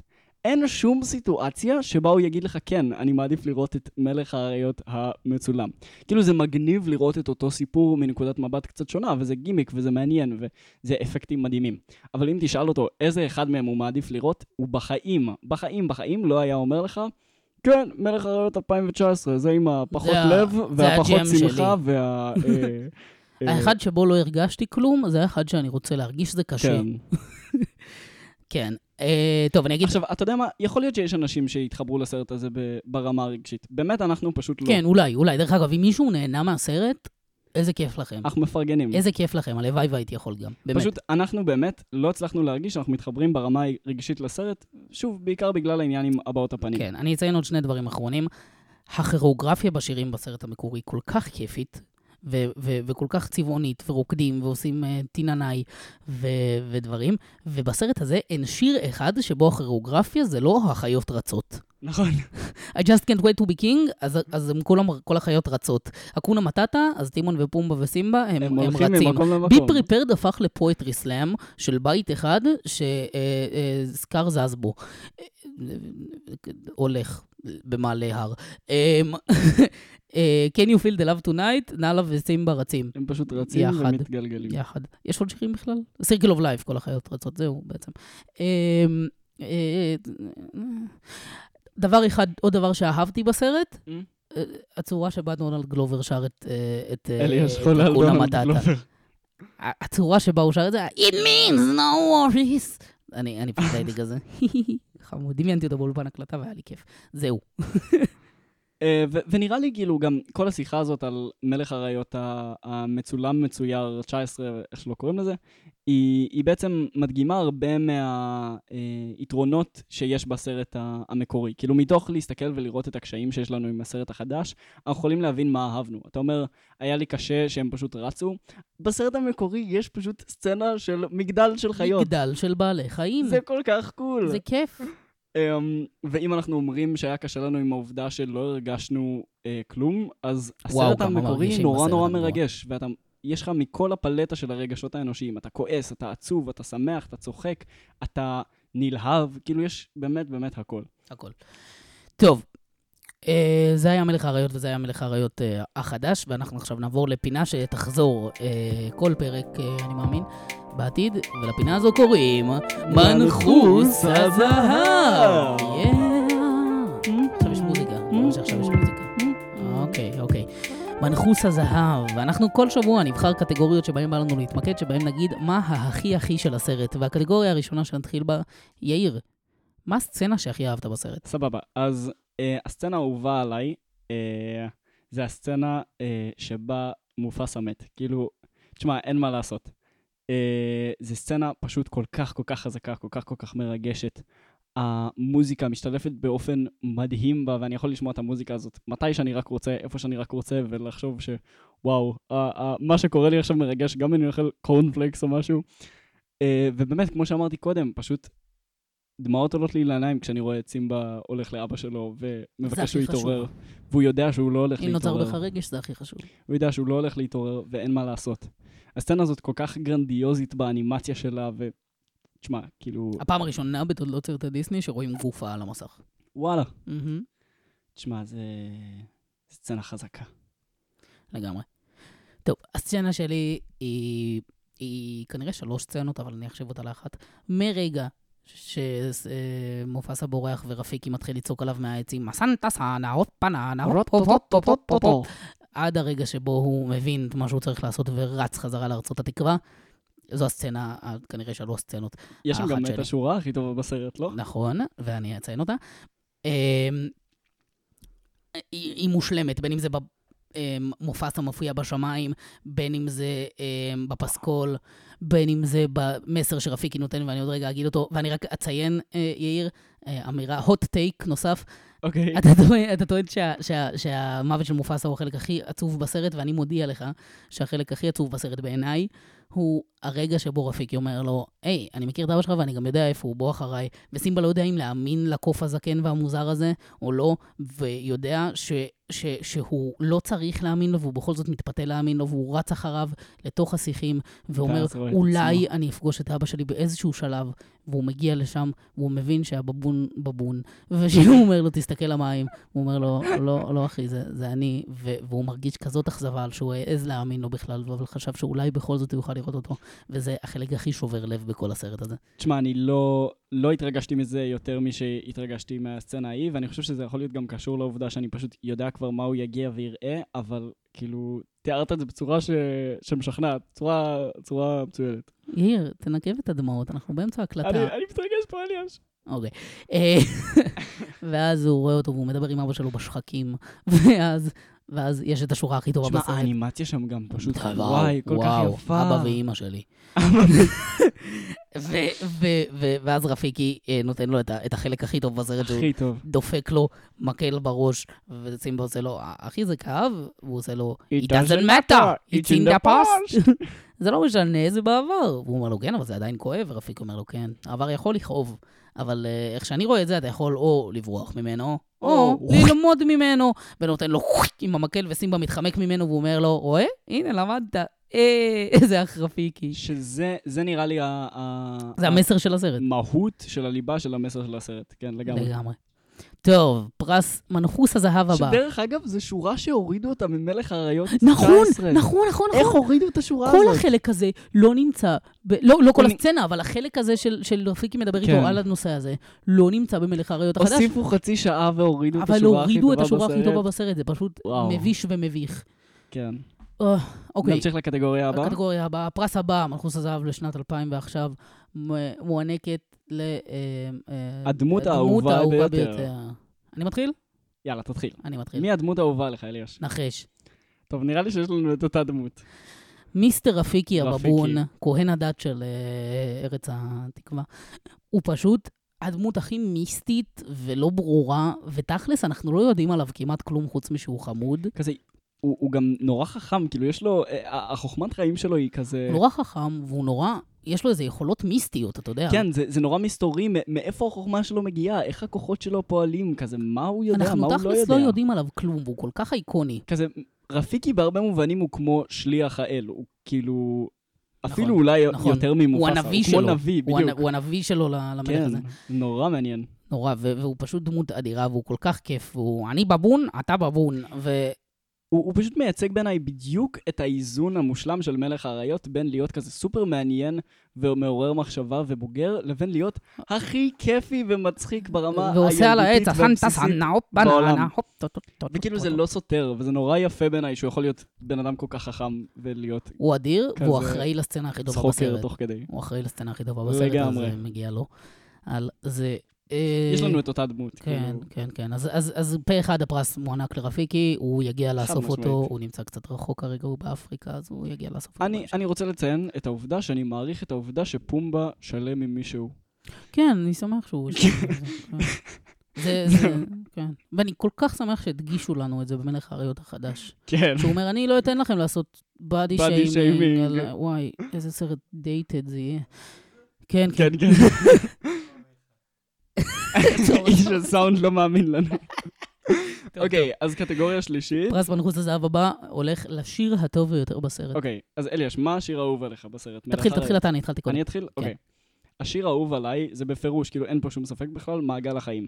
זה שיר שאני אה, אה, שמתי אותו ממש לפני כמה ימים, יום לפני שראיתי את הסרט, פשוט שמתי אותו כהכנה, ועוד בלי ששמעתי, בלי שראיתי את האנימציה, אה, פשוט הייתה לי צמרמורת בכל הגוף מלשמוע אותו, כי הוא כל כך מרגש ויפה בעיניי.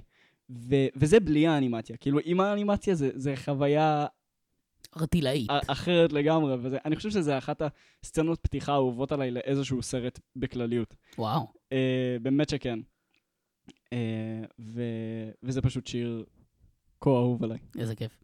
טוב, השיר האהוב עליי, אה, סורי נוט סורי, בי פרפרד, של אה, וואלה. של מיסטר סקאר. תשובה מכובדת. כן, אחי, מה אני אעשה? זה פשוט, זה שיר הנבל האולטימטיבי בעיניי, הוא כל כך מפחיד, אבל כל כך כיפי בו זמנית. אני זוכר אותו בעל פה. אני כבר, גם אני, גם בעברית וגם באנגלית, אני זוכר אותו בעל פה. וואלה, כן, גדלתי על הסרט בעברית. תכלס. ו... ו... אני, אני, אני, הוא כל כך כיפי, אבל כל כך מפחיד, וה, וה, והצבעים בו, השימוש בירוק ובאדום ובשחור יחד, ממש. וה imagery הנאצי, שלמה לא, וה... ה stretch, נו, איך זה נקרא, הנמתחות של הדמות ש- ש- שסקר את זה, הכ- הכל- הכוריאוגרפיה, הכל כל כך נכון. אני חושב על השוט סיום של השיר, של כזה מגדל של צבועים, הכל- ב Dutch angle, כזה עם הירח מלמעלה וכולם צוחקים וסקאר הכי גבוה. הכל כל כך וואו. נכון וכל כך גדול, ואתה, ובסך הכל יש פה אריה שאומר, אני אהרוג אריה אחר. זה קורה בטבע כל הזמן, סורי כן, אה? אבל זה נראה כמו, שם חוקקו חוקי נירנברג, אוקיי? זה נראה. כמו המקום הכי מרושע בעולם. אבל עדיין עושים כיף. וזה עדיין כיף, זה נראה... אני לא יודע אני איך עשו את האיזון הזה. אני לא עכשיו יודע. נמצא במאורת האופל האפלה ביותר בהיסטוריית האופל, וכיף לי רצח. לגמרי. מושלם. אה, טוב, והפרס האחרון, ואולי הכי חשוב מבין כולם, הדמות המשנית חסרת החשיבות האהובה עלינו.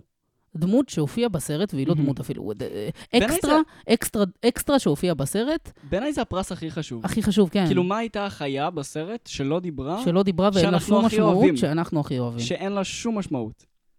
יאיר, מי זאת? אני, אני חד משמעית יודע את שלי. קדימה. הזיקית. הזיקית ש... סקאר עוזב את סימבה, שם אותו בוואדי. יש שם זיקית, הוא שואג עליה. והיא לא שמה עליו. היא פשוט, אתה היא אומר, הוא כוכב. היא פשוט ממשיכה ללכת. אתה אומר, הזיקית הוא. מבחינתו הסטאר של הסרט. כן, הוא כאילו, אתה יודע, יש את סימבה והוא כאילו הגיבור הראשי, הוא הנסיך, הוא יורש העצה. לא, אני זיקית ואני הולכת כן. ללכת לי. הזיקית, הזיקית כאילו החליטה, פשוט מככב. הוליווד לא מעניינת אותי. הוא דופק, דופק אני שואו. בטוח שהוא דרש קרוון. וואו, איזה, איזה זיקית. הוא אקסטרה, הופיע בשוט אחד בסרט והוא דרש מהיוצרים קרוון, ואני בטוח שהוא גם השיג אותה. פשוט זיקית לעניין. מי, מי, ה- מי החיה האהובה עליך? אוקיי, אוקיי, אוקיי. זה ב- באותה סצנה, אבל בסוף הסצנה הזו. כל הגנויים רצים, רצים, רצים, רצים, אוקיי. מועכים את טוב, מופסה, אני חושב שאני יודע לאן אתה הולך כבר. הולכים, וסימבה ככה מתעורר, והוא מסתכל, והוא זה, ואז עובר עוד גנוי אחד. יאללה. הוא מאחר ממש. כולם רצו, והוא איזה 20 דקות אחריהם, אה, היה זה מנוסה, החיה האהובה לך? ננוס גם. כן. למה? א', איזה בחירה טובה. א', הוא בקצב שלו, ואני מעריך את זה.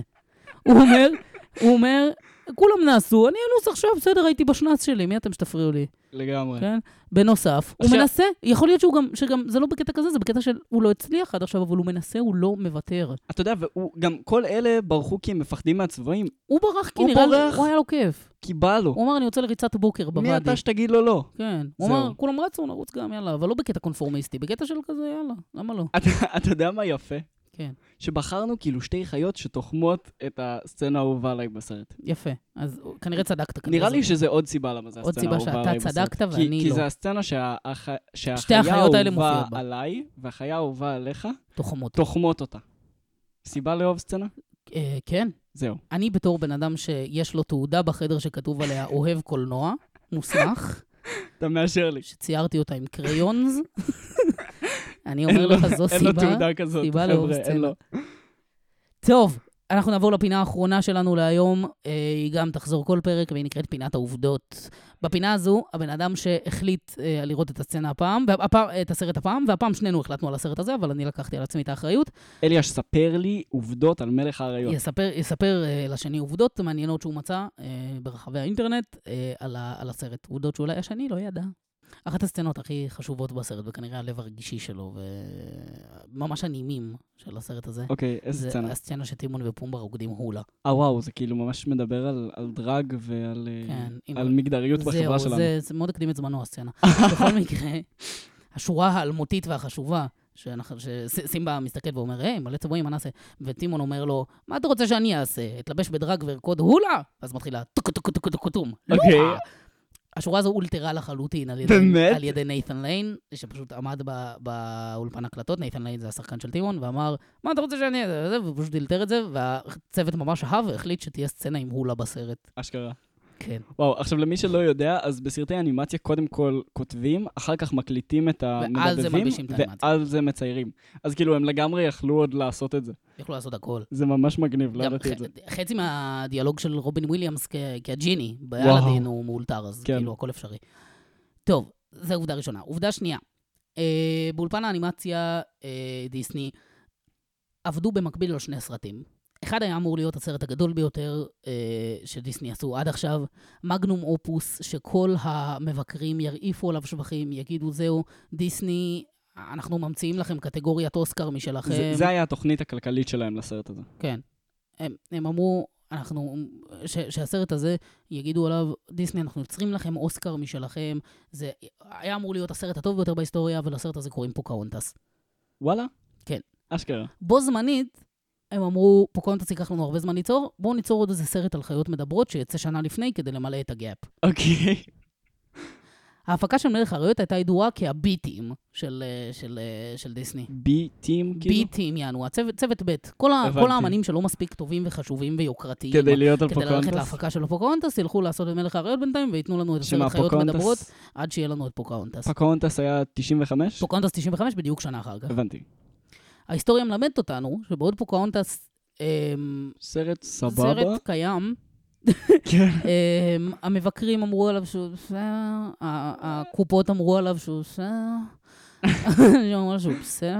אז מלך האריות... ומלך האריות נזכר כאחד מהדברים הכי חשובים שקרו בעולם. וואלה. ו- וזה היה הסרט שבו כל מי שנשלח לעבוד עליו, ידע ש- ש- שהצעד הבא זה שיגידו לו, עזוב, אל תעבוד על סרטים בכלל. אשכרה. אז זה מטורף לראות איך... אה, תאמין לי, אדם מתכנן תוכניות, ואלוהים אומר לו, אל תתכנן תוכניות. עכשיו, אני, אני, כאילו, אה, הכרתי שכזה, יש, אה, יש איזשהו סיפור שמלך האריות היה זה, אבל לא, לא זכרתי שזה היה פוקהונטס. שזה אפילו יותר מביך. כאילו, כן. בדיוק. טוב, עובדה אחרונה שאני אתן להיום, נעשה את זה. מצומצם. כמה שבועות לפני בכורת הסרט, אולטון ג'ון, שכתב את כל השירים לסרט, היה בהקרנה פרטית, ככה אמרו לו, הנה, תראה את הסרט שבזכותך קיים, והוא ראה שהשיר Can you feel the love tonight לא נמצא בסרט.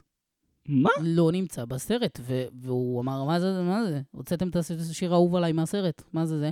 והוא ככה ישב בלובי של זה, וחיכה שג'פרי קצנברג, שהוא היה אחד האנשים האחראים הגדולים ביותר בדיסני, אה, יעבור. תשמע, והוא- זה שיר יפהפה. והוא לקח אותו לצד, והוא היה כזה, שומע? למה? למה הוצאתם את הסרט, של, את השיר של Can you feel the love tonight? וקצנברג אומר לו, לא יודע, זה נראה לא, לא יודע, וזה וזה, והוא היה כזה, תחזר, תחזר, תחזר.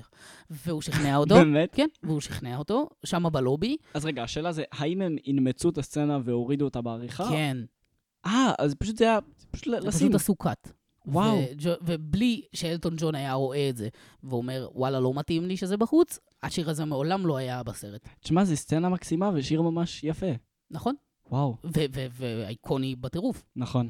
ובלי שאלטון ג'ון, שהיה מחכה בלובי כדי שג'פרי קצנברג יעבור ויבוא אליו מהצד ויעשה לו כזה, היי, שומע? לא היה לנו את השיר הזה. זה נורא יפה בעיניי, כאילו, כש... מ... כשלומדים על איך עשו סרטים, ב...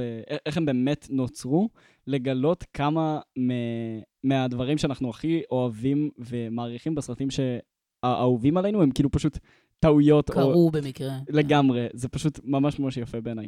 כן, מטורף. זו הייתה פינת העובדות שלנו. למדנו קצת, החכמנו קצת.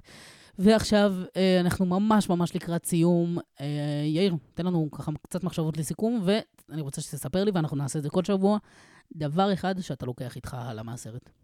אוקיי, אמ, אז באמת, סיכום שלי על הסרט, כאילו כל מי שהקשיב למה שאמרתי עד עכשיו ידע שאני משוגע על מלך האריות, ואני יכול לראות את הסרט הזה כל יום, בכל מצב, בכל שעה, וליהנות ממנו ולאהוב אותו.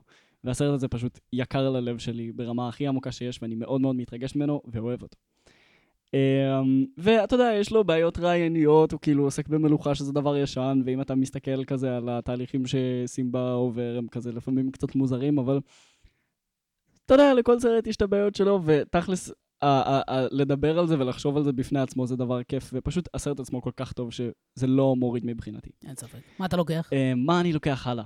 מבחינתי, אם אני חושב מה אני לוקח הלאה, אני לא יודע אם יצא לי לעשות עוד סרטים בחיי בהמשך. אה, כמו שאמרנו קודם כבר, אה, אליאש ואני יצא לנו ליצור סרטים כבר בעבר, אבל אם יצא לי ליצור סרטים, אני רוצה לזכור מה שאני חושב שנורא חשוב שמלך האריות מלמד, שזה החשיבות של להצליח לאזן בין צד שהוא בוגר ורציני אה, ועמוק ורעיוני, לבין צד שהוא אנושי וכיפי ו- ונגיש. זהו, פשוט כיף.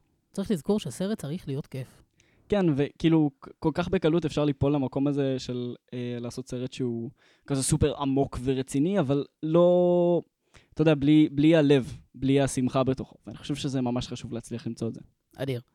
טוב, אני אסכם ואגיד ששוב, הסרט הזה הוא... הוא אני, אני לא יכול לדמיין את עצמי בלעדיו. זה, זה סרט ש, שראיתי כל כך הרבה פעמים כילד. אני חושב שיש אה, אולי שלושה סרטים שהם היו הפסקול שרץ וחזר בילדות שלי במאחורה שלה כל הזמן. זה מלך האריות, אלאדין ושרק 2. אה, אין על שרק. אין על... וואי, אחי, שרק 2 גם... טוב, זה יגיע עוד בעתיד, יגיע, יגיע. מבטיח. ומלך האריות באמת סרט ש, ש, שאין לי... הוא, הוא כל כך נכון. הוא כל כך נכון, והוא כל כך... אני לא יכול לדמיין את העולם ואת עצמי בלעדיו, הוא כל כך... כל שורה בו במקום, כל... אין לי, אין לי איך להוציא את הסרט הזה מה, מהנרטיב של ההיסטוריה ובלי שזה יפגום בה. ואני, לגמרי. ואני אשאל אותך... אם זה היה בחזרה לעתיד והיו מוציאים את מלך האריות, אז כאילו כל היקום היה קורס לתוך עצמו. בטוח. ואם אתה, ואני אצא עכשיו הכי קיץ' והכי מזעזע, אבל אם אתה שואל אותי מה אני לוקח מהסרט, אני אגיד לך שאת עצמי. אוי, נועם. כי אני לא הייתי. אני לא הייתי אני בלי הסרט הזה. וואו. הוא, הוא, הוא, הוא באמת, הוא פשוט רץ במאחורה של הילדות שלי, ו, ואני לוקח ממנו את, את, את מי שאני היום. אה, איזה יופי. זהו. זה היה מלך האריות. תודה שהקשבתם לנו. אה, מקווים ממש שנהניתם. אנחנו ממש מיד נחשוף את אה, מה הבחירה אה, של הסרט שנדבר עליו אה, בפרק הבא, עוד שבועיים, שזו בחירה שלי, ואחר כך תהיה הבחירה של יאיר. Um, תודה רבה שהקשבתם לנו. אם אתם חושבים שאתם מכירים מישהו שיכול ליהנות מהפודקאסט גם, מוזמנים להפיץ לו, להגיד לו שישמע. Uh, נשמח uh, ומקווים שאתם תשמחו. על הביצוע הטכני, ניר בורשטיין הגאון והתותח שגם הלחין והקליט וערך את המוזיקה שאתם שומעים עכשיו. ממש ממש עכשיו. וגם על הסאונד. על האומנות, שתראו כל פרק אומנות חדשה, יש לנו את שי בר-אור, על הסושיאל וה, וההפצה האינטרנטית, עידונוב, ותודה רבה לכם על ההאזנה. אה, תפיצו לכל מי שאתם יכולים וחושבים שיהנה. אה, והגיעה העת להכריז על הפרק הבא. יאיר, אתה מוכן לזה? אני מוכן לזה, אליוש. הפרק הבא שלנו הוא בעצם הסרט שראיתי אותו וגרם לי להגיד, אוקיי, אני רוצה לעשות פודקאסט, יש לי כל כך הרבה מה לדבר עליו, ואני רוצה להוציא את זה החוצה לעולם. זה הסרט ש- שהתחיל בעצם את כל מה שקורה פה.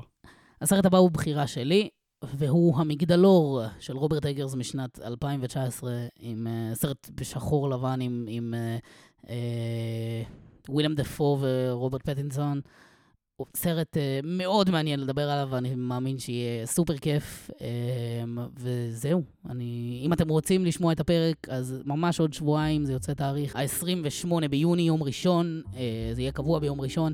יצא הפרק על המגדלור, מי שלא ראה מוזמן באהבה להשלים עד אז. אה, לא לילדים ולא לאנשים שקשה להם עם דברים גרפיים מדי. אה, אנחנו נדבר עליו, יהיה פרק מדהים בהבטחה. ואנחנו היינו המנחוסים, פודקאסט של קולנוע. להתראות.